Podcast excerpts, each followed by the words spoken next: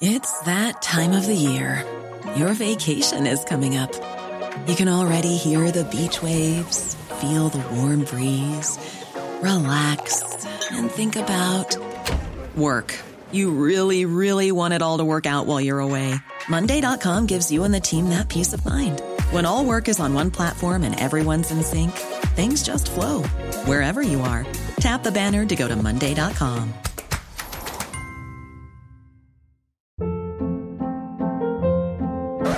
Hold up. What was that? Boring. No flavor. That was as bad as those leftovers you ate all week. Kiki Palmer here, and it's time to say hello to something fresh and guilt-free. Hello Fresh. Jazz up dinner with pecan-crusted chicken or garlic butter shrimp scampi. Now that's music to my mouth. Hello Fresh. Let's get this dinner party started. Discover all the delicious possibilities at hellofresh.com.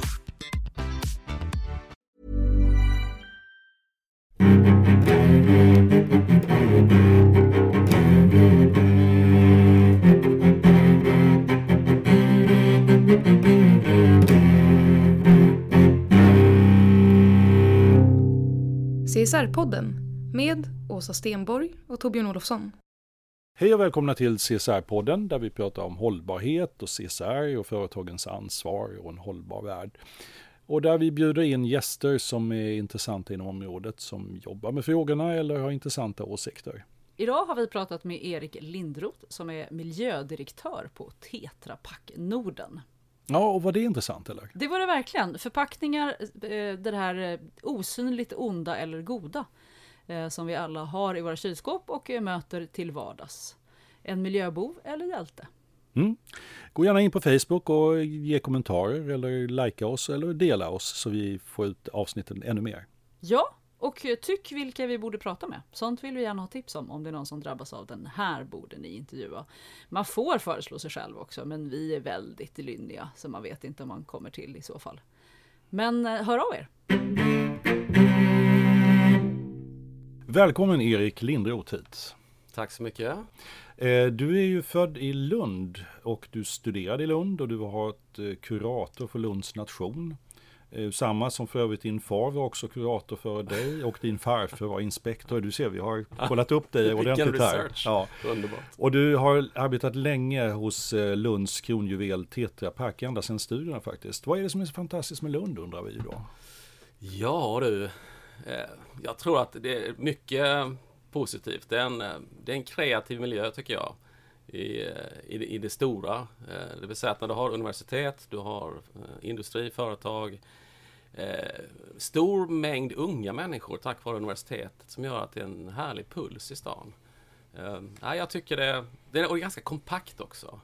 Man tar sig runt på cykel eh, väldigt lätt. Jag cyklar till jobbet varje dag. Det tar 15 till 18 minuter beroende på hur bråttom jag har. Så att det är, en, det är en kompakt, ung, kreativ stad. Full av livsglädje tycker jag. Så att, du har aldrig känt dig frestad att fly därifrån?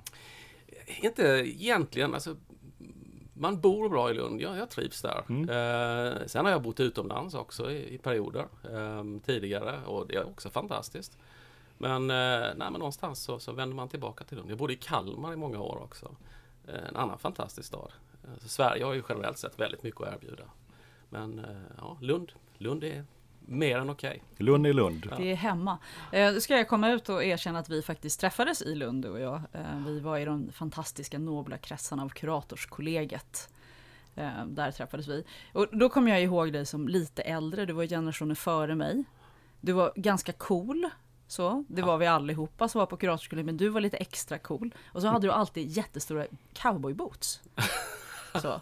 Och när jag skulle göra research för det här så började jag ringa runt och tänka så här, vad är det han inte vill prata om? Nu ser Erik lite svettig ut. Men det fina med det, det är att det var ingen som riktigt kom ihåg. Vad, vad liksom, jag, jag, tänker, är det liksom en förlåtande demens som vi har börjat drabbas av? Är det, var det någon sorts dimma vi befann oss i? Eller har jag missat någonting? Var det något sätt du tyckte att du stack ut där? Utom cowboybootsen. Och min viktiga fråga här egentligen, har du fortfarande kvar din fäbless för cowboyboots? Ja, just det. Bra frågor. um, om vi tar cowboyboots-frågan. Alltså, ja, jag har ett par cowboyboots kvar. Ja, titta, uh, fast uppgraderade nya. Jag tycker, jag tycker det är rätt skönt. Um, Han har kvar sin fäbless. Mm, ja. Så var, varför inte? Ja.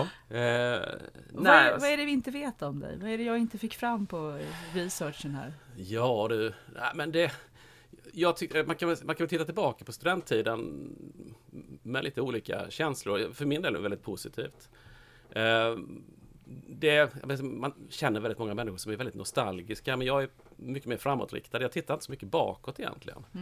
Eh, Det är klart man tittar bakåt om erfarenheter man har med sig i livet och, man bygger vidare på det. Man kan bygga på styrkor och, minimera sina svagheter. Men annars brukar jag inte titta så mycket bakåt och minnas den tiden som var då, för man kommer aldrig tillbaka dit. Och sen så kan man också titta framåt, att man vill någonstans, att man är framåtriktad, är också viktigt. Men annars så tycker jag, jag är väldigt mycket här och nu, i nuet. Eh, Just nu är jag här. eh, Väldigt, jag försöker alltid vara fokuserad. Det är mycket snack om mindfulness de här dagarna. Men, men att vara väldigt fokuserad nuet tror jag är det bästa sättet att leva. I alla fall tycker jag det. Så ingen nostalgi? Inga stora nostalgibubblor för dig? Nej, inte mer än att man, man har ju väldigt mycket vänner från studenttiden som jag fortfarande träffar. Jag har väldigt stor glädje av. Och det är också att man hela tiden uppdaterar den vänskapen, men någonstans utgår det för att man träffades i Lund. Ehm, och, och det är det som man har som gemensamt från början, men sen har man ju byggt en gemensam historia och, och, och en gemenskap som, som fortsätter in i framtiden. Och det är jag väldigt lyckligt lottad. Jag har två kompisgäng som brukar träffas ja, ett par gånger per år. Så att man har ett brett socialt nätverk. Men, men någonstans så är det, ja man tittar tillbaka men, men det är också att man, man är där och nu, um, upplever nuet. Så jag tycker, nej, nostalgi är, det är liksom inget framåtriktat. Det är överskattat. Ja, tack. precis. Då har vi fått... Eh, Om vi fortsätter på det här vad vi kom fram till så såg vi att du, du läste internationell ekonomi med tysk inriktning Lund. Fransk inriktning. Fransk inriktning, se där, Ja. där har vi fel. Fel research. Aj, aj. Eh, och du arbetade på Nationen och sen så 95 så började du på Tetra Pak som Marketing Intelligence Officer. Just det, det stämmer. Åh, oh, vad härligt. Det, just det, franska, men, eh, men Men jag första, stämde för, det. första jobbet Ja. var rätt. Ja. Jo, Och- nej, men det var en, en uppföljning kan man säga av mitt exjobb som jag skrev för Tetra Pak.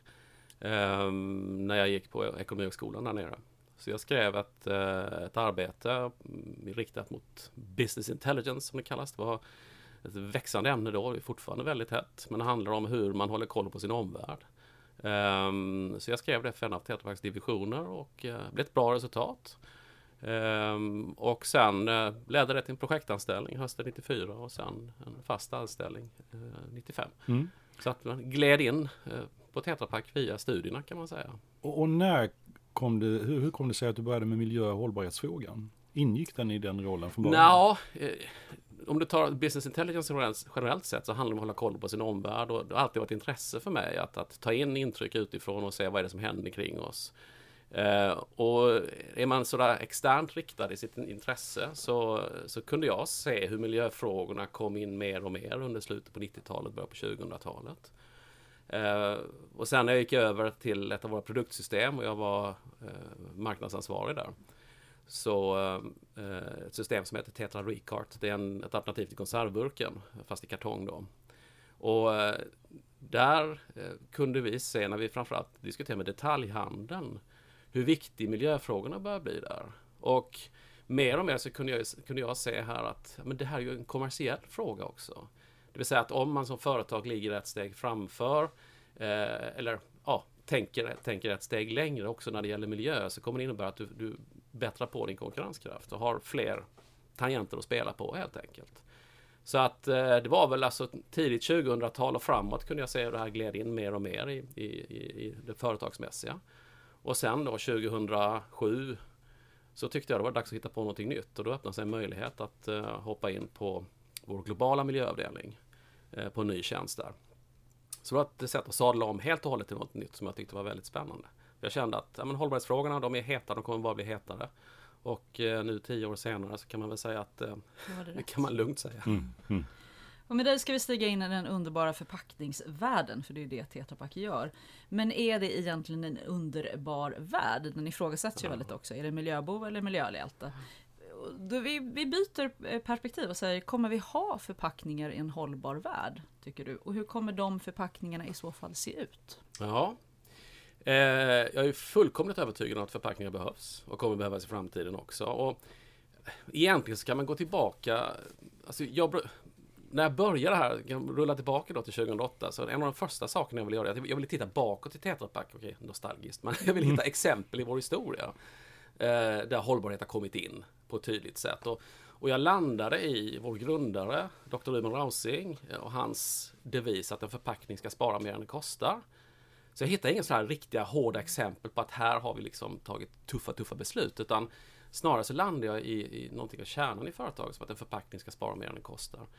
Och den synen finns med oss idag eh, inom Tetra Pak, och, men har blivit uppdaterat till 2018-nivå. Och för att spara mer än det kostar idag handlar ju mer och mer om miljömässigt, att det måste spara mer än det kostar. Mm. Och i det så ligger då förpackningens roll också, det vill säga att skydda produkten. Att egentligen att ta ett livsmedel från produktionsplats till konsumtionsplats. Det är det som jobbet förpackningen gör. Så förpackningen är sig kanske lite konstig produkt för att Ja, konsumenten köper den men ändå inte... Som en bieffekt. Så det är, det är nästan som en service. Absolut. Det är mer av en service mm. än, än, än, en produkt man ska säga, en, som man kan se och ta på. Så att det hänger någonstans där mitt emellan. Och det gör ju att om, om vi tittar då framåt, vad är de utmaningar vi står inför i, i framtiden? Så matsvinn är ju väldigt högt på agendan idag. Och det kommer bara bli viktigare och viktigare. Det finns undersökningar som visar att i Sverige bara så slänger vi 25% av den mat vi köper. Det innebär att nästa gång jag går och handlar, så kan, när jag kommer med fyra kassar, kan jag ta en av dem och droppa i soptunnan på vägen in, så är jag liksom färdig. Mm. Mm. och, och, och, det är ju inte ett hållbart sätt att leva. Så att för att, det är ett långt svar på en, på en kort fråga. Men, eh, men så jag tror, eller är övertygad om att förpackningens roll här är att se till att vi får ett livsmedel distribuerat och lämnat till konsumenten för konsumtion. Och med så lite svinn som möjligt. För vi kan inte fortsätta och och ha så mycket matsvinn som vi har. Och i andra delar av världen så är det mer uppströms i värdekedjan som problemet ligger, det vill säga att det förstörs livsmedel ute på åkrarna eller i produktion och distribution på grund av otillräcklig eh, process, otillräcklig förpackning, eh, dålig hantering och så vidare. Så att där har ju en förpackning också en väldigt, väldigt viktig roll att spela, att säkra att värdet, alltså allt det här värdet vi lägger ner på att producera livsmedel, att det också kommer till nytta. Men nu, nu flyttade du verkligen min hjärna från eh, burkar och lådor, där jag har befunnit mig, ja. till att säga, nej, vi skulle egentligen, om, vi, om ni verkligen ser er själva som en service, då skulle ni verkligen kunna förlänga er värdekedja och börja jobba med distribution. Och då kanske man skulle ha en lösviktsmatbil som åkte runt, som ja. man fick ut och och liksom säga här har vi tomatpuré eh, och du kom ut och ta lagom mycket som du behöver och använd din egen burk som du har hemma. Du har ett set av glasburkar som du hyr av oss och vi uppdaterar dem och sen så lösviktstankar vi den här matbilen som kommer förbi och då är det ni som driver bilen. Mm. Tetrapacksburkar ja. väl ändå? Ja. Va? Inte ja. glasburkar. Ja, men de har gjort dem. Okej, okay, okay. men inte en glasburk. Ja, ja, någon sort. De har en burk. Ja, de hyr okay. ut ett mm. burksystem mm. som jag tankar mina... Är det en tanke? Det, Kylbilen kommer en gång eller varannan dag. Kom och ta ur kylbilen. Här är det.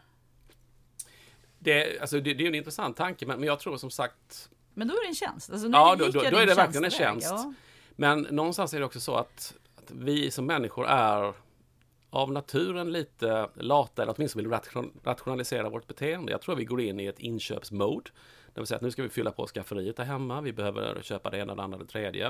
Eh, eller få det levererat hem. Men om man kör utan förpackningar. Vi har sett eh, många undersökningar på det som visar att, att ju mer lösviktshantering, i alla fall när det är flytande livsmedel, desto mer svinn blir det. Ja, För att alltid i, i, varje, varje steg, om du nu har en tank som du ska ta ifrån, så, så blir det alltid en slatt kvar som inte används och så slänger man den. Så att, så att lösviktssystem faktiskt eh, ökar svinnet, åtminstone på flytande livsmedel. Man kanske kan motivera det på vissa torra livsmedel. Nötter eller eh, ja, mjöl eller vad det nu kan vara. Men samtidigt är det också så att, att då, då lägger man väldigt mycket ansvar på konsumenten att, att, att ha de alla de här burkarna och påsarna och grejerna. Ja, men det är ju ni som försörjer mig med burkar. Ni hyr ut burksystemet Okej, till mig. Hyr ut. Ja, exakt. Så du hyr ut burksystemet till mig. Så det är ja. du som ser till att jag har rätt burkar. Ja. Och så kommer er en bil som passar med mina burkar ja, som du har liksom redan hyrt ut. Och det är till och med på gränsen till att jag redan innan har sagt till dig så här, jag vill ha så och så, så mycket. Och sen är det bara tjoff så blir ni som mjölkbudet ja, Åsa håller nu på att göra om hela affärsidén. Ja, men, han sa service och då började jag tänka service. Ja, visst. Jag tror detaljhandeln kanske har några idéer där också. Ja, alltså, jag får, får, jag, får jag återvända ja. lite till förpackningsbranschen? Om, om, du tittar på den i stort, hur långt ifrån hållbarhet är förpackningsbranschen? Ja. ja, det var, och det var den andra delen av frågan tidigare då. Vad, hur ser framtidens förpackningar ut? Mm. Um, och förpackningsindustrin är ju inte särskild från resten av samhället eller industrin på något sätt. Att där finns stora hållbarhetsutmaningar.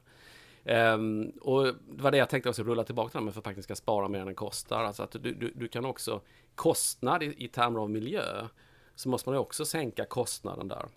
Minska miljöpåverkan, hitta bättre lösningar, minska svinnet i produktionen, eh, öka effektiviteten i logistiken. Men framför allt, och, och där kommer vi in på det här med cirkulär ekonomi, att du tar en full cirkulär approach på hur en förpackning ska fungera.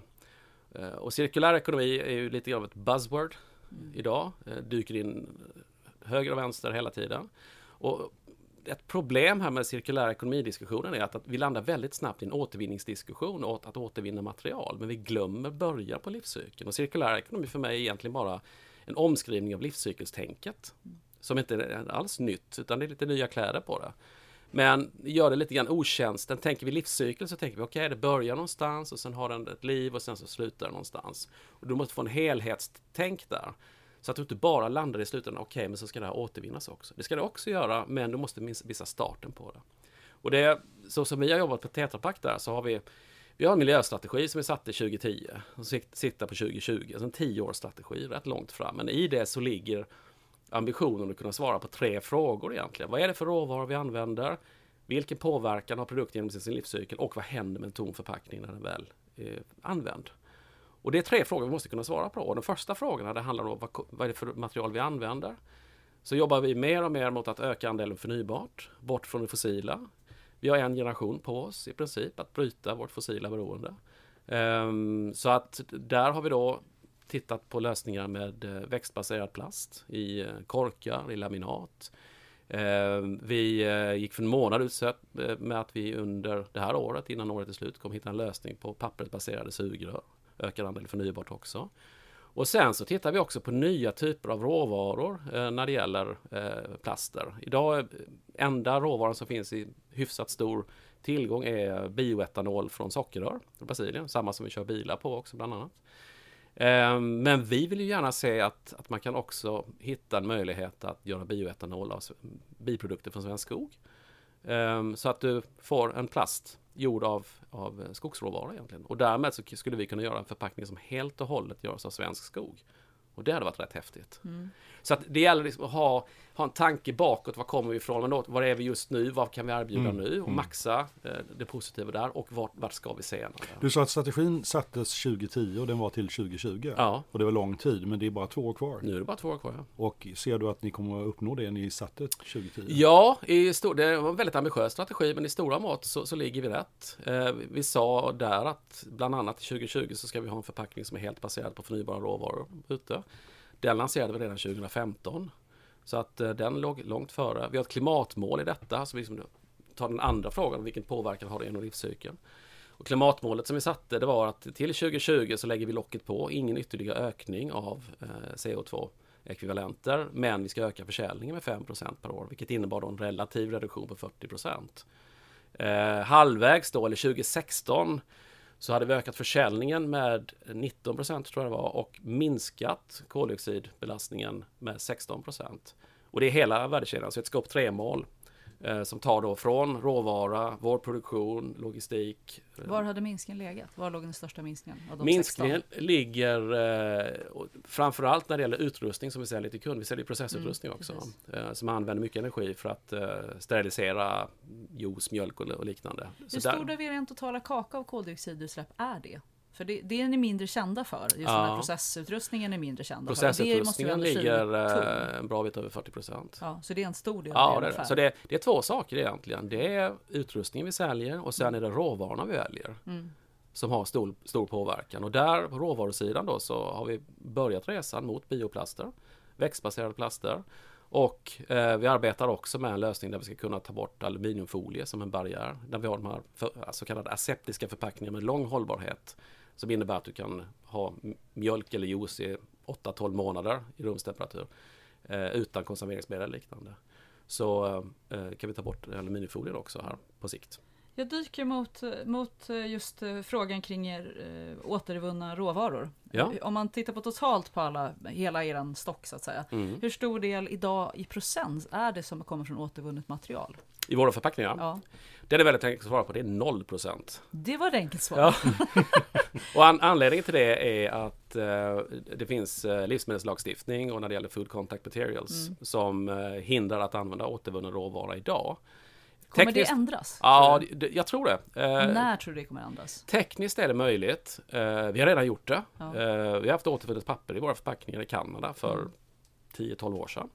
Så att eh, tekniskt går det att lösa. Eh, men sen är det det med, med eh, återvunnen råvara. Du har inte helt full koll på din supply chain. där. Du vet Mm. inte riktigt vad det är som kommer in där. Så därför så vill man idag vara försiktig med eh, livsmedelskontakt och återvunnen råvara. Det gäller även plaster. Mm.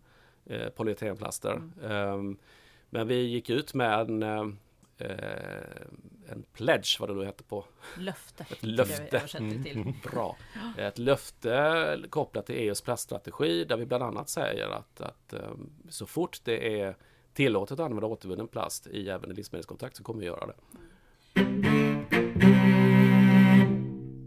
om vi dyker lite på plasterna, för att det, det är ju en jättesektor egentligen.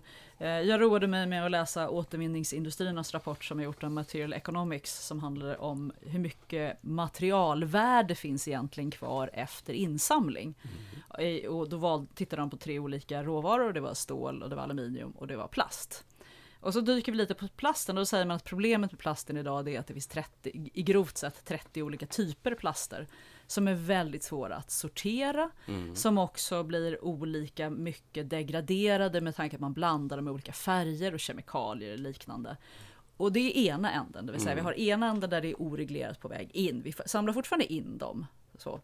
Den andra änden, det är att vi nu håller på att producera nya plaster av förnybart material. Och här har jag, upplever jag att det finns ett moment- moment 22, att å ena sidan så har vi inte, borde vi ha teknik och energi på att ta va- tillvara det vi faktiskt redan har, så att inte allting blir en IKEA-påse. För det är det som händer, antingen i grova drag, nu ska jag vara väldigt grov, så bränns platsen för fjärrvärme, vilket i sig kan vara upprörande, men de är ju väldigt energieffektivt att bränna det, alltså det är mycket energi i en plast. Eh, och det andra är det att det i så fall blir ett nedgraderat material, det vill säga det blir en enkel plastsäck, kanske våra big bag-påsar ungefär kan det bli. Men det blir inte samma sak som det en gång var. Det förlorar oerhört mycket i värde.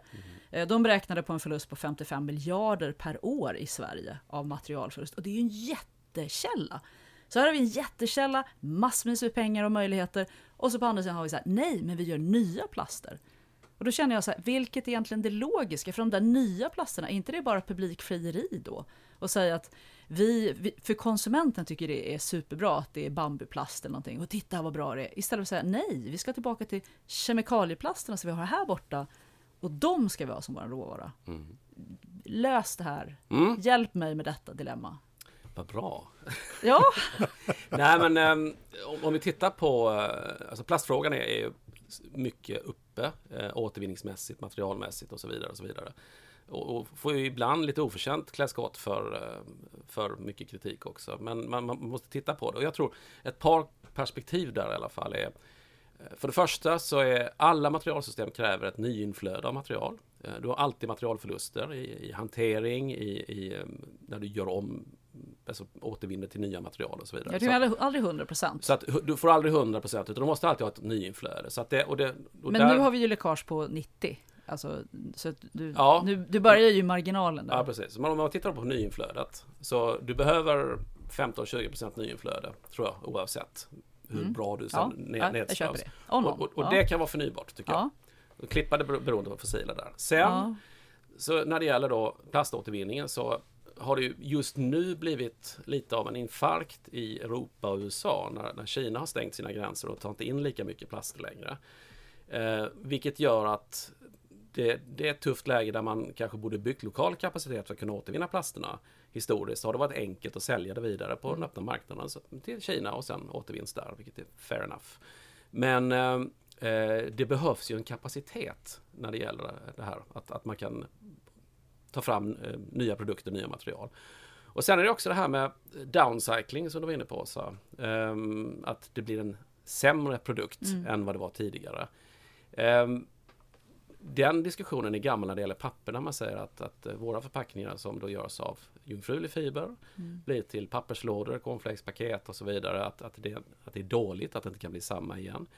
Men någonstans är det också så att du, du har ett materialbehov från väldigt många olika källor. Och det gäller att koppla ihop dem på ett smart sätt. Så oavsett vilket så behöver du cornflakespaket. Och då kan man lika gärna göra dem av återvunnen råvara för att du har inte direkt livsmedelskontakt där. Eller när du behöver göra flyttlådor eller vad det nu kan vara. Så att materialbehovet finns där. Och samhället och industrin måste titta på att du får ett effektivt flöde här. Både volymmässigt, kvalitetsmässigt och finansiellt. Egentligen hållbart.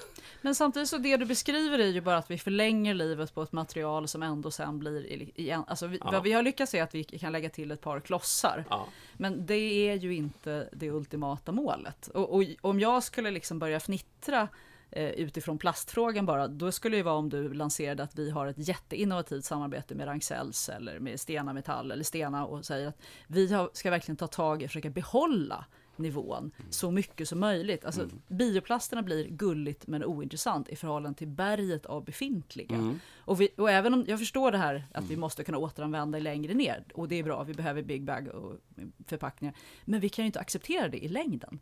Och, och, det är så här, vi har en guldgruva, vi har rensat ihop den, mm. den ligger här i plasterna. Ska vi glömma den och börja pumpa nya? Förstår, var ja, är nej, nej. samarbetet med Ragn-Sells? Nej, och där, men där tror jag också att det finns en teknisk utveckling och en väldigt spännande riktning eh, som, som jag tycker är kul och det är att, att du kan återpolymerisera, det vill säga att du mm. kan bryta den molekylära bindningen, eh, de längre kolkedjorna ner till enklare kolväten och sen göra ny plast. Mm. Det hade ju varit idealet. Ja, du stoppar in det i ena änden, Sen har du en process och ut så kommer nästan, nästan jung, jungfrulig plast. Ja, att, du, att du bryter de här olika, för att då har du ju de olika plastmaterialen eh, som ser väldigt olika ut. Ja. Men att du kan ju klippa där och sen mm. då så kan du då i en raffin, raffin, raffineringsprocess då kunna plocka ut nya plaster. Men hur långt bort är vi från den tekniken? Eh, på industriell nivå, så, vad jag förstår, nu är inte jag jätteinsatt i just den, eh, men jag har läst en del om det och jag tycker det verkar väldigt, väldigt spännande på pappret. Eh, vad jag förstår så är en utmaning där är ju en, energiåtgången i den processen. Mm. som, man, som man måste lösa. Men, men där är ju också en utveckling, man måste se helheten här, där, där det finns också en förflyttning av från fossila och andra källor när det gäller energi mm. och elektricitet, att vi går mot förnybart. Och någonstans är det ju så, kan du generera förnybar energi i en sån process så blir den gratis mm. nästan kan man säga. Och då kan du ju då miljömässigt också motivera att ha en mer energikrävande process. Som då gör att du sen i slutändan kan få ut rena plaster i slutändan. Vi kommer ju aldrig ha en ideal lösning idag. Vi kommer alltid, ett, ett, problem kommer alltid leda till något nytt. Mm. Men, men då är jag ute efter, är ni på väg att göra de samarbetena? Är ni på väg in i den industrin? För samarbete med kemikalieindustrin eller med återvinningsindustrin av att verkligen hålla den här nivån. Och med era volymer mm. så borde ju det en extremt lovande. Ja. Nej, men det, så att det finns med som en tanke att titta på återvunnen råvara och som sagt att vi har ju redan gått ut med ett löfte att eh, så fort det är möjligt så kommer vi göra det. Vi tittar på det. Just nu så än så länge så har mycket av vårt arbete varit fokuserat just på klimatpåverkan. Mm. Eh, och då är en, en eh, växtbaserad förnybar lösning det bättre alternativet idag. Så jag tror någonstans är det så att du blir aldrig perfekt, du blir aldrig hållbar, utan du blir mer hållbar. Det är en stegvis förflyttning att okej, okay, vad är nästa steg och nästa steg? Så att någonstans här borta finns den perfekta lösningen och det är det, det, man ska sikta på. Mm. Men, men du kanske inte kan göra det av volymmässiga skäl, kostnadsmässiga, brist på industri, brist på produktion eller vad det nu kan vara. Men det ska ju inte heller stoppa din tanke och din riktning, men då, men då har du kanske tre steg på vägen. Mm. Och, och, och, där tror, tror jag, eller jag är övertygad om att, att förnybara råvaror är bättre. Eh, det ska promotas och, och bli en del av hur du skapar värde på marknaden. Vi har haft stor framgång med våra förnybara plaster för att det är en lösning som våra kunder tycker är bra. För då kan man också visa upp för konsumenten att nu finns en bättre förpackningsmässig lösning. Mm. Så när vi bytte till eh, bioetanol som råvara Första lanseringen var 2014 och på fyra år eller tre år så har vi eh, förflyttat, ja det är över 10 000 ton fossilplast mm. i Norden, bara i Norden, eh, till förnybar råvara. Och i Sverige förra året så var nästan 70% av alla plastkorkar förnybara. Men nu måste, jag fastnar ju i dilemmat av att vi i så fall gör vad konsumenterna tycker är gulligt. Och istället för att ta konsumenterna vid handen och säga kolla här är ett plastberg som redan finns, låt oss lösa det problemet. Våga utmana konsumenten också. Och vi får ju inte välja den enkla, alltså den vägen som är kommunikativt enkel, som alltid är träd. Mm. Den kommunikativt enkla vä- vägen är alltid träd. Det kommer aldrig vara en kemikalieindustri, för det tycker konsumenterna verkar läskigt. Och som industri, som stor industri, så måste man ju våga utbilda kunderna och säga nej, jag vill göra min din matförpackning av en gammal PVC-låda, där vill kanske det hade varit dåligt. Men någonting sånt. Och det- är den jag är ute efter att säga, vi gör som konsumenterna vill, istället för att säga till konsumenterna, jag kan den här industrin, lita på mig, vi vågar ta den här vägen, vi ska gå till de äckliga sopbergen, därifrån ska din förpackning komma. För vi är så oerhört proffsiga på att göra det här. Den utvecklingen. Ja, nej, men jag, jag tror det. Alltså, jag tror det är på väg ditåt. Men jag håller inte med om att, att förnybart är eh, gullifiering mot konsument. Utan, eller rättare sagt, gör det enkelt. Utan jag tycker Tyvärr är det så att, att det konsumenterna tittar på och förstår det är återvinning och återvunnet material. Eh, den komplicerade frågan är förnybart. Vad är förnybart? Är det återvunnet eller vad, vad är förnybart? Eh, det är också en stor förvirring när det gäller biologiskt nedbrytbart och bioplaster. Så kallad bioconfusion. Så det är många komplexa frågeställningar där. Så det finns kommunikationsutmaningar redan Absolut, där nej, det är. men, nej, men det gör Och, det. och jag, jag ifrågasätter en annan sak också. Det är också hur mycket konsumenterna är medvetna om Ja. hur sakerna har producerats. För det är klart, om man säger som du säger Åsa, att vi vill göra din förpackning av, av det här gamla sopberget, då tror jag många skulle rygga tillbaka. För jag menar, det man vill ha, det är ju en schysst bra förpackning som står på hyllan i affären. Och man har inte riktigt järnpejl på hur den här har producerats och kommit till. Ärligt talat. Det, det måste ju kommuniceras. Jag har, nu blivit, så jag har nu blivit sågad som kommunikationsgeni och Ja. eh, väljer snart en annan fråga i sammanhanget.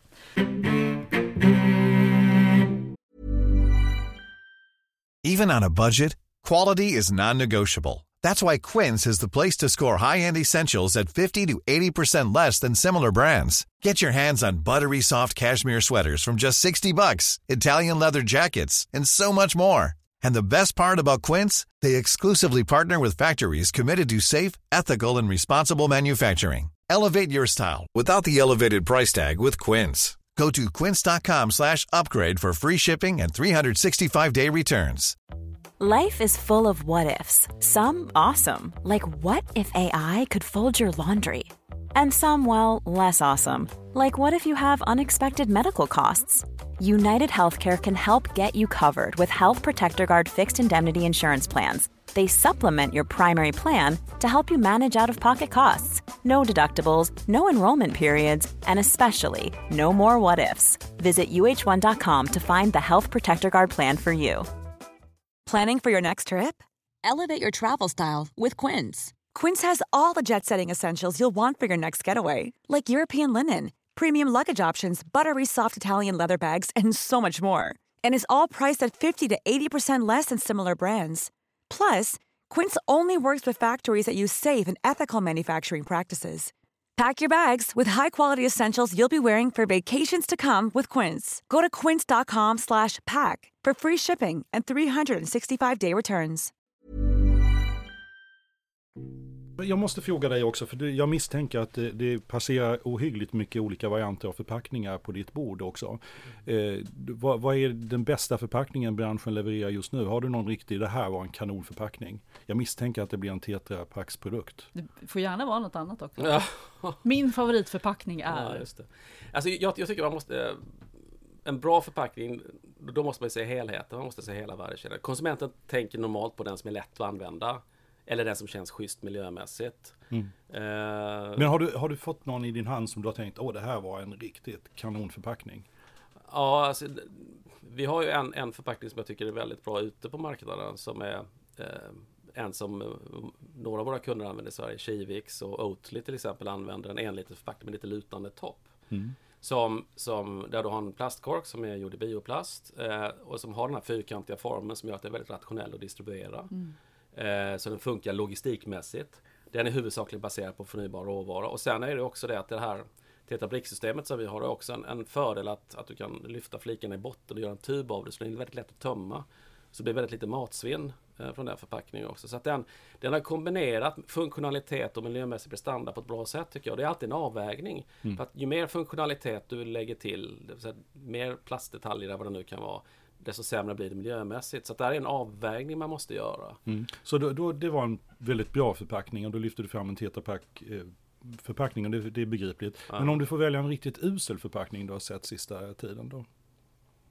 Sista tiden. Alltså, jag var igår på, på en konferens här i Stockholm och man skulle ta med sig en dålig och en bra cirkulär lösning. Ja, men se där. Ehm, den dåliga lösningen efter mycket omtanke var det som jag var inne på innan, ingen förpackning.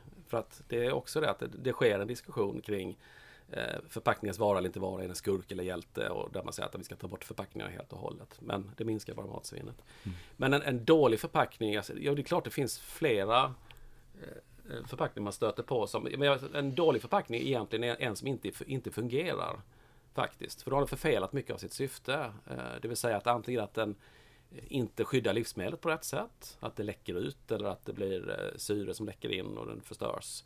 Eller att när du har en rivöppning eller en kork eller någonting som inte fungerar, då, då blir eh, förpackningens syfte förfelat. Du har ju använt en, en lösning som ska vara en konsumentvänlighet inbyggt i det, men som inte levererar.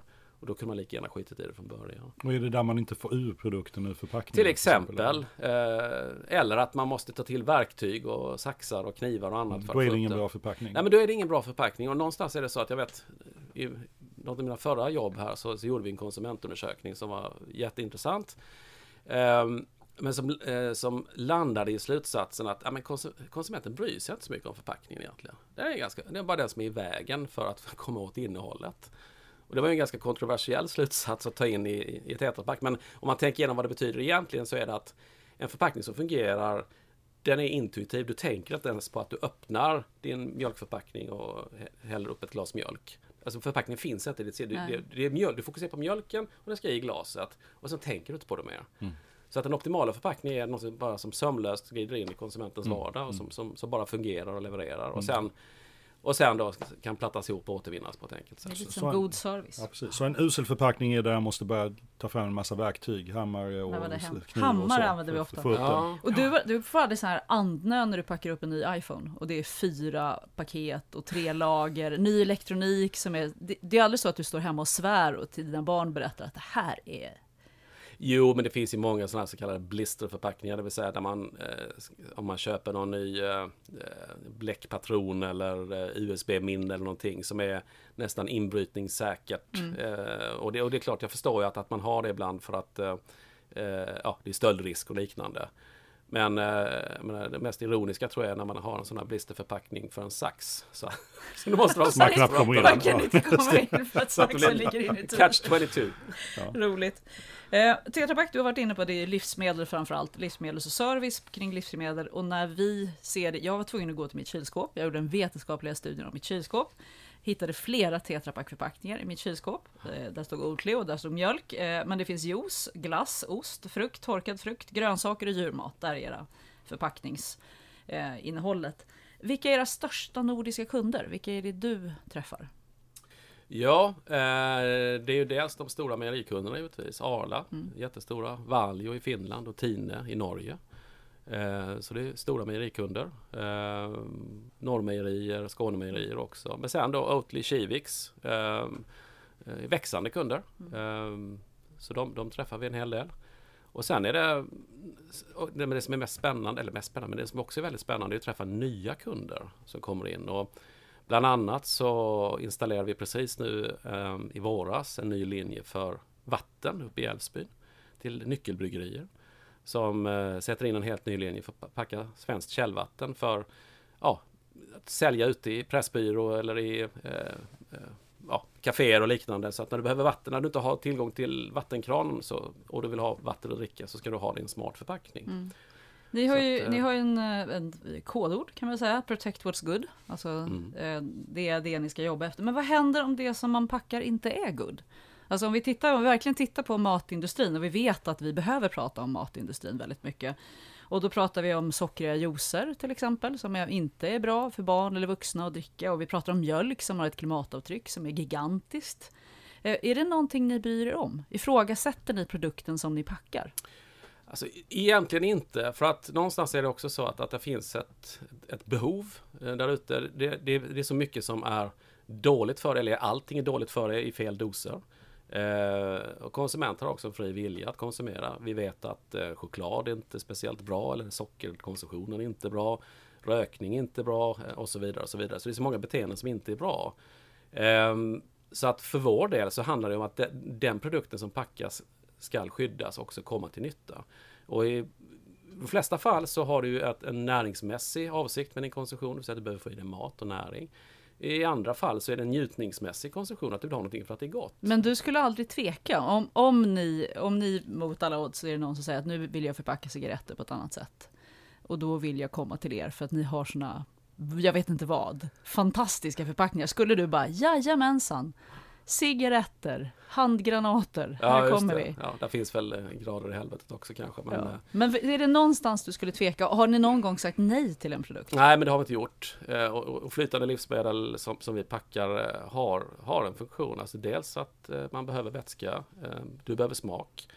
Um, men de här, de här eh, sockerdryckerna Ja, men jag håller inte med om att juicer är dåliga. Nej, nej, nej men det, jag vill gå det åt extrema hållet. Så här, ja, de här ungdomsdryckerna som, som vi vet att eh, kan ha bieffekter på hälsa om du har jättemycket höga koffeinnivåer till exempel. Ja. Där vi, alltså det är en helt uppenbar hälsorisk och absolut konsumenter har ett ansvar men vi vet att det inte heller alltid funkar. Ja.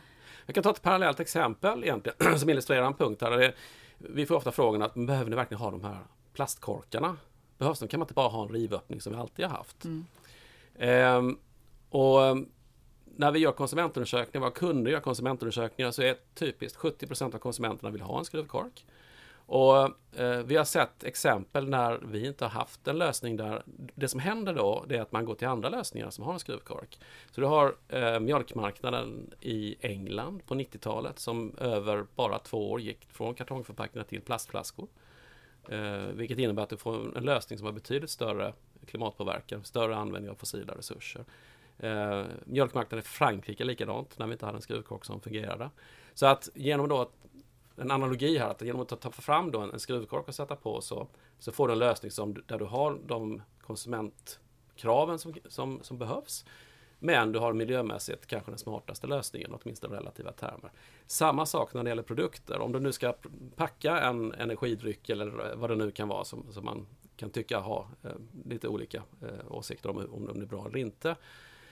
Så ska du packa den så ska du åtminstone göra det i en förpackning som har så vettig miljöprestanda som möjligt så att du inte hamnar i en, en, en sämre förpackning. Men, men det här exemplet med juicen då, som, eh, jag håller med dig att jag, jag, tycker inte heller att ni kan skippa den för att det finns en debatt om socker i juicen. Gud vad ni är överens! Jag, jag tycker det är, det är en extrem hårdragning av Åsa. Men om vi, tobak då, om vi, ja, men om vi säger om vi drar ut i förlängningen till slut så blir det bevisat att ja, barn dör till och med av att liksom dricka för mycket socker och juice. Ja. Alltså, hur långt måste debatten gå för att ni ska säga att ah, här måste vi gå in och det ta måste vara företräde i varumärken någonstans. Någon gång borde det kunna hända. Ja, alltså någonstans är det också så att vi, vi, vi kopplar in oss, en förpackning ska ju kopplas ihop med en produkt och också ett varumärke. Mm. Eh, och i ett positivt perspektiv så ser vi att det är många av våra kunder och, som har varumärken som är hållbarhetsmässigt starka eller har starka ambitioner med produkter som, som är hållbarhetsmässigt smarta eller smartare än alternativen. Och då vill vi erbjuda en förpackningsplattform som kan stötta det också så att du binder ihop det där konceptet så att det blir en stark och trovärdig produkt ut på marknaden. Så att, så att i det här så är det ju ett arbete tillsammans med våra kunder och i slutändan så är produkten något som våra kunder äger. Um, så jag, jag, tror att man måste sätta gränser för det egna ansvaret också där man kan eller ska påverka. Påverka det där du verkligen har en möjlighet att driva det i rätt riktning. Och att om vi skulle fatta pro, eh, produktbeslut åt kunden så, så, går vi för långt fram i värdekedjan. Jag tycker det blir, ett, eh, det blir ett för långt steg helt enkelt. Vi har andra utmaningar att ta tag i där vi kan addera betydligt mer värde tror jag. Det för det finns ju andra sådana ihopkopplingar, men jag tänker på eh, regleringen av producentansvaret för förpackningar som vi har i eh, Sverige och EU. Mm. Eh, och det innebär ju att den som producerar en vara med förpackning även har ansvar för att samla in och tillvarata den efter konsumtion. Och i praktiken så innebär det att producerande bolag betalar en avgift till avfallsindustrin. Hur tycker du att producentansvaret fungerar i praktiken? Mm. Um Producentansvaret regleras i förpackningsförordningen eh, 94, eh, förpackningsdirektivet egentligen. Eh, som säger att precis det som du säger Torbjörn, att, att eh, du, när du sätter en vara på marknaden så ska du också se till att det finns ett återtagssystem för, för förpackningar så att det kommer därifrån. Sen har man löst det på lite olika sätt i Europa. I Sverige så har vi ett system där då producenterna, det vill säga våra kunder, och andra eh, företag betalar en, en, avgift för, för sin förpackning eh, som då ska gå till förpacknings och tidningsinsamlingen i det svenska fallet då, som då driver ett, ett, ett återvinningssystem med återvinningsstationer och, och fastighetsnära insamling och så vidare. Mm. Så att på så sätt så är det ju en, en ekonomisk och rationell lösning som, som man har satt på plats. Och, eh, så jag tycker det fungerar eh, relativt bra i Sverige och, tittar man i ett europeiskt perspektiv så Sverige har ett, eh, ett rationellt och relativt enkelt system. Sen kan det bli förbättringar givetvis. Men om vi tittar på förordningen när den sattes på plats. Ja. Och du, som du var inne på, cirkulär idé är ingen ny idé. Absolut inte. Och vi har haft livscykelperspektiv i, i evigheters perspektiv också.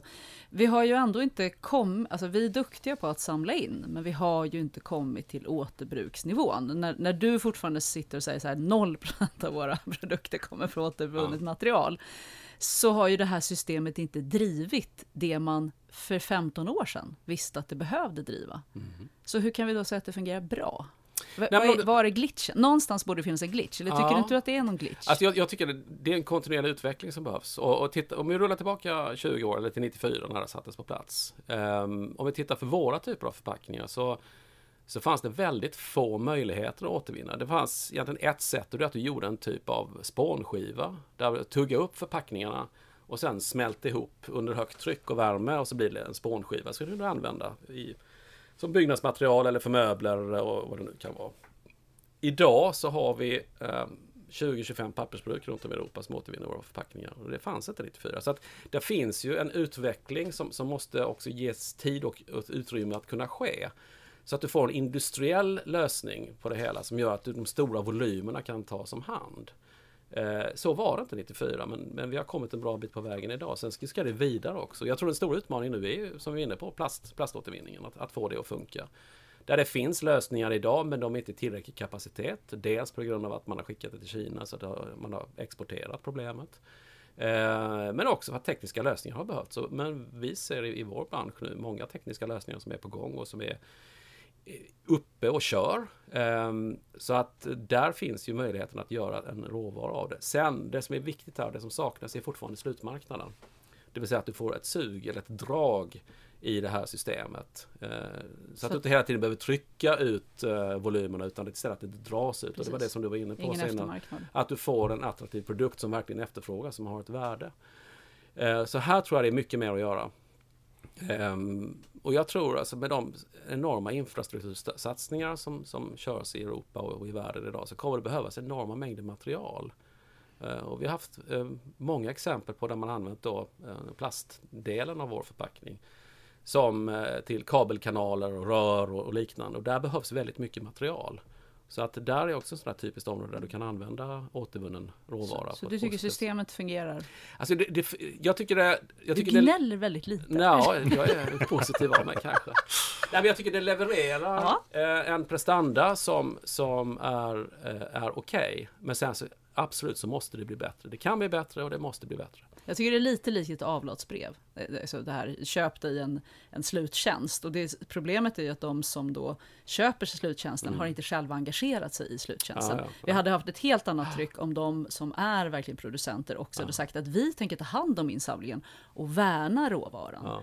Eh, istället för att vi köper och som då går också via ett kommunalt filter som har väldigt olika standard för insamling. Så det blir någon sorts la la la liksom som händer.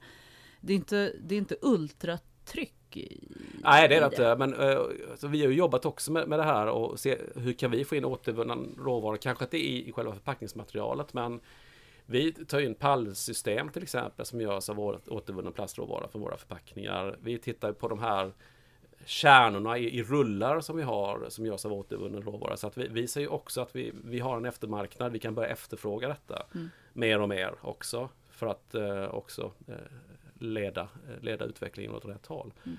Men jag, jag, tror du är inne på rätt spår. Där. Jag tror att alla företag ska titta på men var, kan vi, var kan vi få in återvunnen råvara på ett vettigt sätt. Vi diskuterar med kunder som gärna ser mer av återvunnen råvara i sekundärförpackningar, i plastbackar och så vidare. och Så vidare. Så att allt det här, detaljhandeln har ju backsystem för hantering av, av färskvaror och frukt och grönt till exempel. Som jag tror används en hel del återvunnen råvara idag. Det kan säkert bli ännu mer där.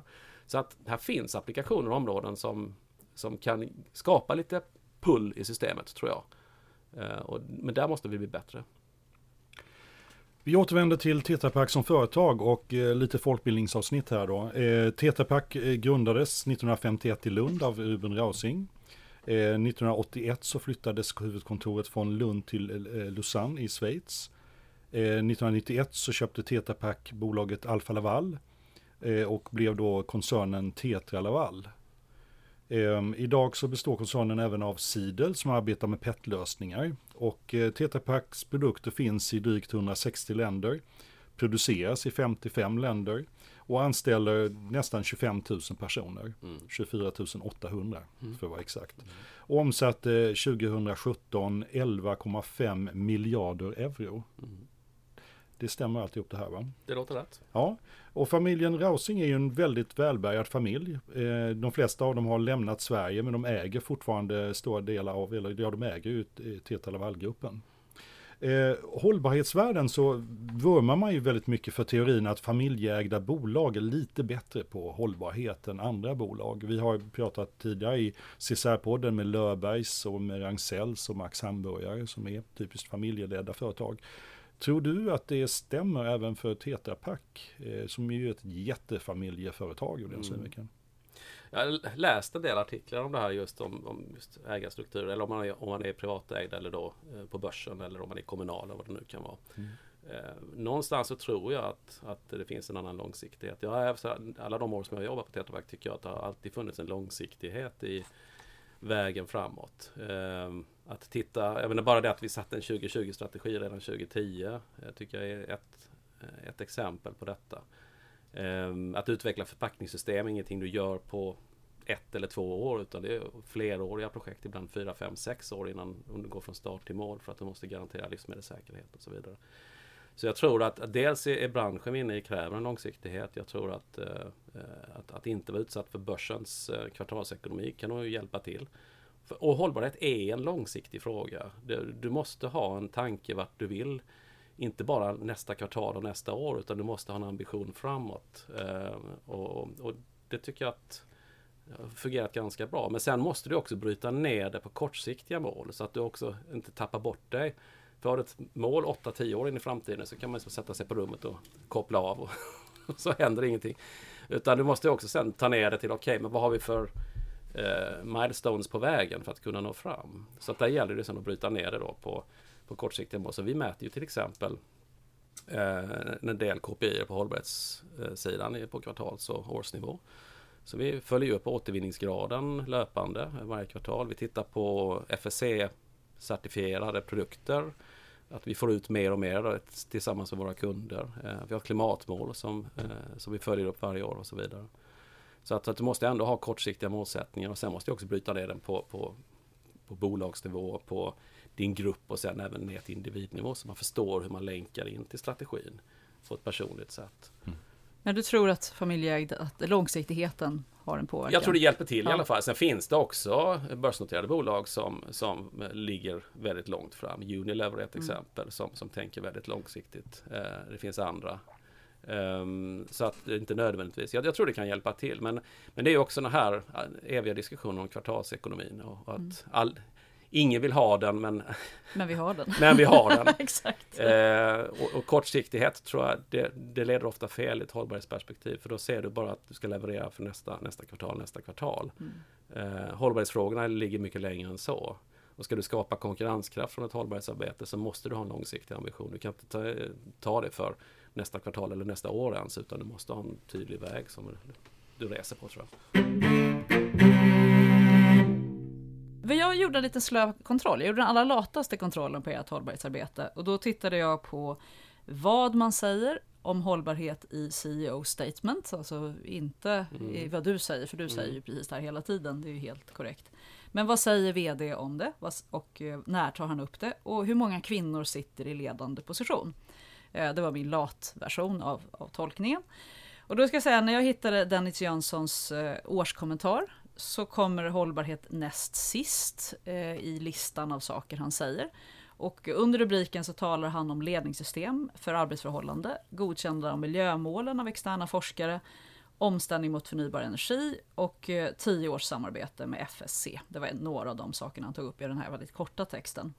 Och när jag tittade på Tetra Paks ledningsgrupp och letade efter kvinnor i ledande position så finns det i Tetra Paks ledningsgrupp en kvinna och 13 män.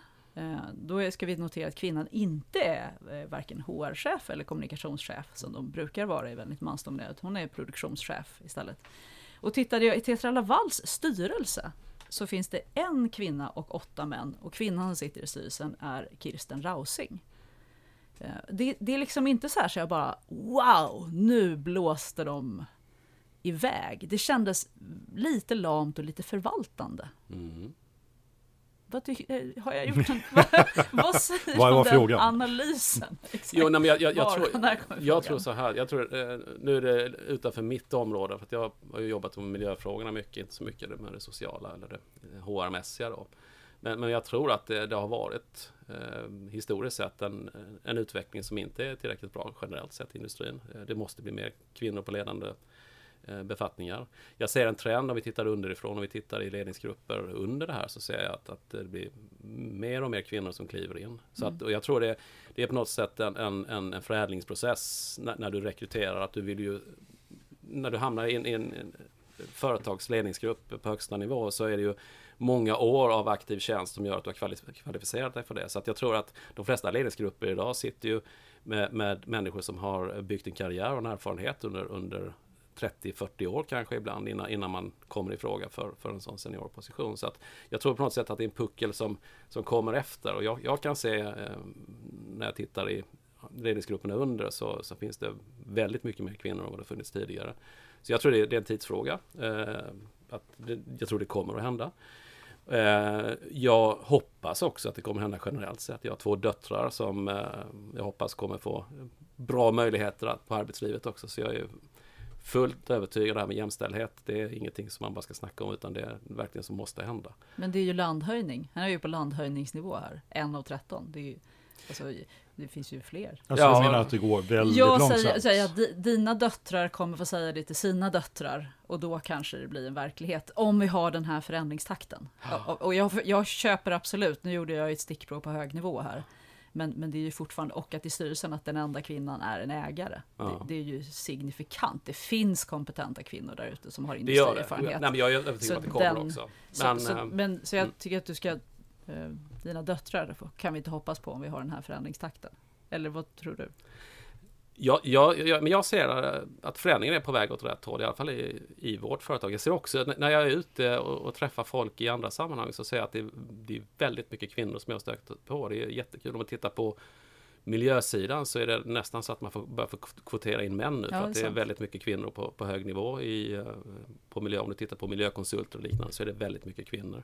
Så att, eh, så att det finns, och jag tror också i takt med att hållbarhetsfrågan kommer att öka i betydelse så tror jag också att det blir naturligt att man får in mer kvinnor den, den vägen också. För där är det många kvinnor som har byggt en kompetens under många, många år. Men, men min fråga egentligen kom tillbaka till Tetra Har ni blivit lite, lite lama och lata liksom? Eller, eller tycker du att ni står på barrikaderna? Jag hade, jag hade liksom väntat mer umf i, mm. i, i det och jag kände inte omfen. Alla era hemsidor har rubriken hållbarhet, så jag kan gå det spåret om jag vill. Men om jag inte går hållbarhetsspåret mm. så hamnar man inte så mycket i den världen. Mm. Förstår du? Mm. Då är det är ett tecken på att det inte är integrerat. Mm. Eller att det verkligen har kommit till en förvaltande fas, att alla nu gör det, men man talar inte om det.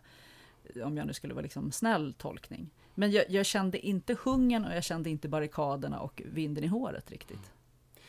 Nej, alltså det, som sagt, det, det är liksom utanför mitt arbetsområde så jag har svårt liksom att kommentera på vårt arbete och, och vart vi ska någonstans. Eh, men, men, eh, som sagt, jag kan konstatera att vi, vi ser mer och mer kvinnor komma in på ledande positioner i företaget. Men du tänker även på miljöfrågan och hur man kommenterar hållbarhet. Ja. Och det är ju din, det är du som ska ha vinden i håret när det gäller miljö. Ja. Och det tycker du att du har, eller känner du att det finns hos er? Ja, okej, okay. om du tar den, den frågan så tycker jag att eh, miljöfrågan ligger väldigt centralt i vårt företag. Eh, den, den är integrerad. Jag känner verkligen att den är integrerad. Hur vi, hur vi utvecklar våra produkter, hur vi tillverkar våra produkter, hur vi säljer våra produkter. Så det finns integrerat. Så, att, så, att, så det är därför det inte syns? För att det är så ja, men jag, jag, tror, jag, jag, tror, jag, vet, jag vet att det är så. Eh, och, och i vissa fall så, så, är det också så att du har sett eh, check på, nu är det avklarat. Det som för, i själva projektet för att driva på en utveckling kanske har varit ett enormt arbete. Sen är det klart och sen är det naturligt integrerat i verksamheten. Jag tror att vi kan bli mycket bättre att prata om eh, olika vinningar på miljöområdet. Eh, vi har blivit bättre. Vi har varit ganska tillknäppta eh, men, men har öppnat upp väldigt mycket och speciellt här i, i Norden de senaste åren. Ehm, så, att, eh, så jag känner att eh, det finns verkligen med i, eh, i den interna diskussionen och när vi går ut och pratar med kunder idag så finns det inte ett kundmöte vi kan ha utan att beröra miljöfrågan. Så att, så att någonstans är det där att, att, om vi vill vara en bra partner för våra kunder så måste vi ha gjort vår hemläxa innan vi går ut och träffar kunder och säga att men här har vi en lösning som innebär detta för dig. Om du gör detta så kan det innebära att du förbättrar det här och här. Så det, det gäller att ha med det ute i det kommersiella arbetet och där tycker jag det har skett en enorm förändring de senaste fem åren. Mm. Och, och apropå kunderna då, så ni är ju ett typiskt business to business företag. Men samtidigt så är ni ute och mäter konsumentbeteende. Mm. Och när bestämde ni er för att göra det? Nej, men det tror jag vi alltid har gjort på ett eller annat sätt. För att som jag sa innan så förpackning är en liten lustig produkt. Den säljs business to business men den används av en slutkonsument. Så om vi tar fram en ny förpackningslösning så, så, måste vi ju testa den på konsument för att se vad, vad tycker man, är den här bättre eller sämre? Om du har tre alternativ, vilken är bäst? och Så, där. så att vi har alltid gjort konsumentavstämningar eh, som en, ett led i vår, vår verksamhet. Det var någon kollega till mig för några år sedan sa att vi är ett fast moving eh, industrial goods company. så att vi har ett väldigt mycket konsumenttänk just mm. på grund av att våra produkter hamnar där ute och måste fungera. Mm.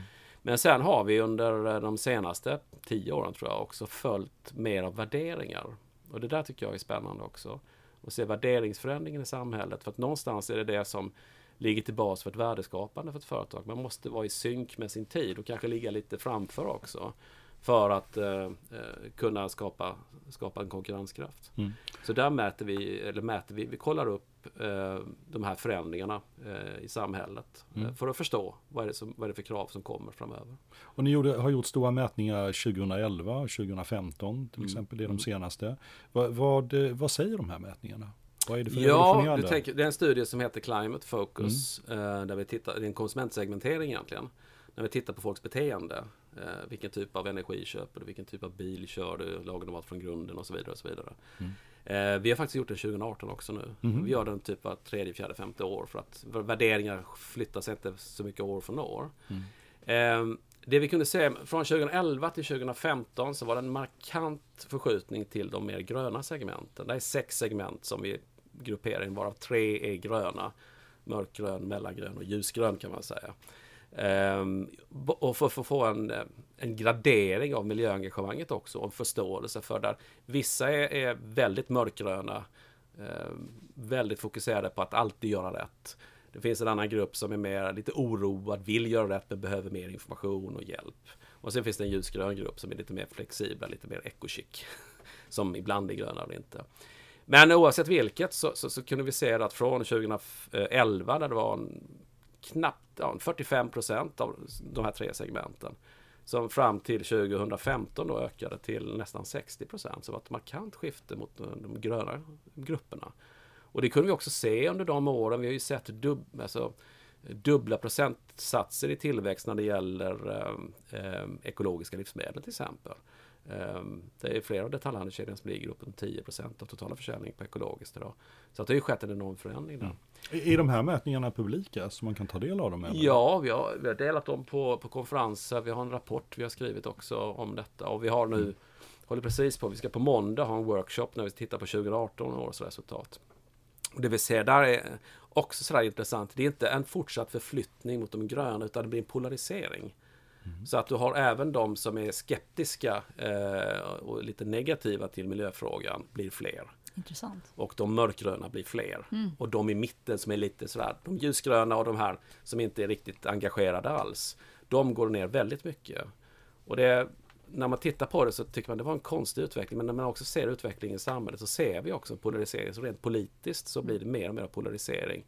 Där det även då är, är rumsfärgat att ha åsikter som tidigare man inte ville yppa till exempel.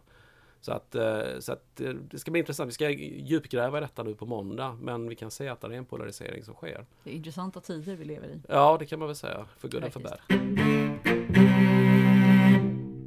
Tycker du att era kunder, Arla till exempel, då, håller de, eh, är de med på det här som händer hos kunderna? Eller hos konsumenterna? Ja.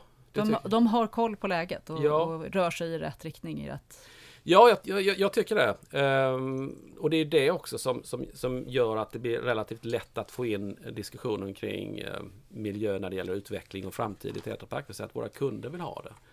Ehm, de ser behovet av att, att förbättra sin miljöprestanda. Mm. Så jag, jag, tycker eh, många av våra kunder, och för fem, sex år sedan när jag tog det här jobbet så, så var det inte alls där på samma sätt. Men idag så är det som jag sa innan, vi kan inte gå in i ett kundmöte utan att ha en miljökomponent med in i det hela också. Mm. Så att jag jobbar ju mer kommersiellt idag egentligen än, än något annat. Ja, och förutom att du jobbar mer kommersiellt så har du också återvänt till universitetet. Ja, just det. Eh, och, eh, för du håller på med en doktorsavhandling. Ja, eller en, eh, en doktorandkurs, eller en doktorandutbildning. Ja, och, och hur kommer det sig? Ja, nej men det är väl egentligen tillbaka till det här att jag har alltid haft en nyfikenhet och vilja få nya in, influenser och ny input. Och det var några år sedan så började jag titta på det. Men det måste vara någon annan som har gjort det här, hur man skapar ett värde av sitt miljöarbete. Det måste finnas exempel, måste finnas akademiska papers och liknande. Men jag hittade ingenting. Så gick jag och grunnade på det här ett tag och tänkte men någon borde göra någonting här. Och sen kom jag fram till att men kanske jag ska göra någonting. För att mm. jag har ändå jobbat med det här i ett någon antal år. Ja. Så, eh, så jag kom överens med, med mina chefer eh, att eh, nej men vi gör detta. Och sen i mars förra året då så har jag, är jag doktorand på, på deltid. Och då ska du alltså forska i hur business och businessföretag kan skapa mer värde genom miljöarbete? Ja, är det konklusionen? Ja, någonstans. Jag måste ju bryta ner den här frågeställningen till något mer fokuserat. Ja. Och det är det som är intressant med att forska, att, att man får hela tiden nya influenser. Så den där frågeställningen uppdateras hela tiden. Varje kurs man går, varje paper man skriver så mm. är det liksom en ny twist. Jag lämnade in ett, ett paper nu i onsdags. Jag ska ha ett slutseminarium nästa fredag. Så det här gör du på arbetstid också? Så du är liksom ja, en Tetra Pak-sponsrad doktorand? Ja, jag, tar, tar, jag är en industridoktorand då. Ja, det. Ehm, som, ehm, det finns flera sådana på Tetra Pak också. Men det är en möjlighet då att, att, att eh, ta ett kliv in i det akademiska, att nörda ner i någonting. Och sen med slutsyftet att det ska vara en win-win, eller en win-win-win. Jag vinner ju på att jag får en, en personlig utveckling som är fantastisk. Eh, institutionen får in en industridoktorand med erfarenhet från, från näringslivet och, och företaget får en möjlighet att gräva ner i någonting som eh, ska kunna, man ska kunna nytta av vid något tillfälle. Hur, hur, långt har du kommit på det? Ser du liksom, är det en tredjedel, en femtedel? Nej, väl en fjärde. Alltså, jag läser, går på halvtid då. Mm. Eller egentligen 20% av min arbetstid tar jag, men sen så tar jag dem i fritid och helger och kvällar till i anspråk för att få upp till en halvtid. Eh, normal doktorsavhandling kör man på fyra år heltid, det skulle ta åtta år. Så att det jag har eh, sagt att vi siktar på en, en LIS-avhandling till att börja med, då är det fyra år. Och då är jag en fjärde in, in i detta och eh, ska till tidig höst, nu september, så ska jag ha ett så kallat research proposal på plats eh, som då ska beskriva i rätt så stor detalj exakt vad jag ska eh, börja samla in information om. Vad tror du att det kommer handla om? Hur, vad kommer du nörda ner dig om? Just nu som sagt så eh, den senaste papern jag lämnade in så, så landar det egentligen i hur hållbarhetsexperter i företagen kan engagera sig och addera värde in i säljprocessen. Ja. Mm. Så att bli mer, lite mer kommersiella Precis i sitt det tänk. du sa, det här är mitt jobb numera. Ja. ja. det är en resa som jag varit inne på och jag, jag kan också se nyttan av det mm. för att eh, det, det, skapar ett värde. Och jag kan också se när jag pratar med kollegor i Tetra Pak eller utanför Tetra Pak också att det finns ett, ett intresse att bli mer kommersiell i sin approach men man hindras av det. Dels av tidsskäl kanske eller av att man inte kommer in tillsammans med sina säljare och marknadsförare utan de liksom stänger dörren. Eller att man inte är intresserad. Alltså det finns olika skäl. Jag vet inte riktigt. Men det är det kan... intressant, för vissa branscher får man ändå upplevelsen att de bara är kommersiella också. Ja. Alltså det finns en, det finns en ja. motsats. På vissa ställen är de, fastnar de i någon sorts internt eh, ledningssystem. Ja. Men på andra ställen så är det bara snack och inte mycket verkstad. Ja, så jag tror det kan vara branschfenomen. Det, det kan det nog vara. Det, det är intressant. Eh, och det, det, är ju det som min forskning ska då liksom gå vidare in och titta på det här. Eh, och jag är helt övertygad om att i och med att miljöfrågan och hållbarhetsfrågorna kommer bara bli viktigare i framtiden så kommer det behövas mer kompetens. Och där är då de som har en erfarenhet, en utbildning, en kunskap när det gäller hållbarhetsfrågor kommer att bli viktigare och viktigare för företagen. Och det innebär också att eh, övriga funktioner, eh, VD, säljchefer, marknadschefer, måste också bli betydligt mer engagerade i hållbarhetsfrågan. Annars och förstå hållbarhetsfrågan. Annars är de av banan. Nu sa du så kloka saker så nu kan vi sluta. Nej, vi ska sluta med... Eh, vi brukar titta in i framtiden. Här frågan kommer passa dig eftersom du gillar framtiden. Det gör jag också. Eh, och vi brukar be våra gäster att välja ett yrke om tio år. Ibland gör vi det i alla fall. I ditt fall tänker vi göra det. Så om tio år när vi ringer dig så ska du få välja på tre olika alternativ. Då Okej. är du antingen Sustainability Director på Tetra Laval. Du bor väl någon annanstans i världen då.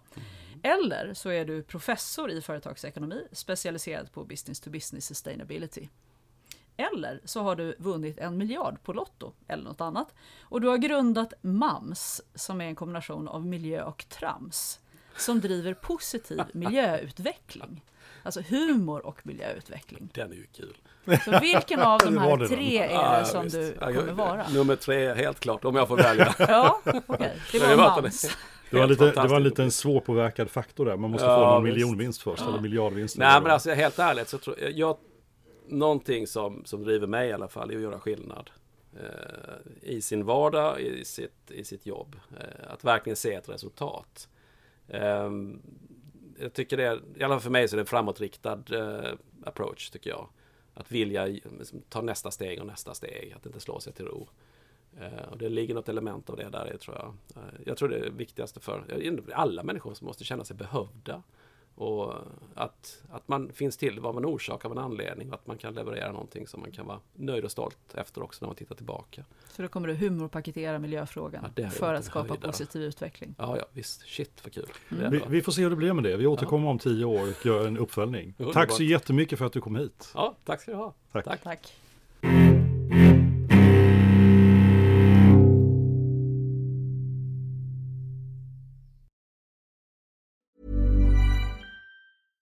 Even when we're on a budget, we still deserve nice things. Quince is a place to scoop up stunning high-end goods for 50 to 80% less than similar brands. They have buttery soft cashmere sweaters starting at $50, luxurious Italian leather bags, and so much more. Plus, Quince only works with factories that use safe, ethical, and responsible manufacturing.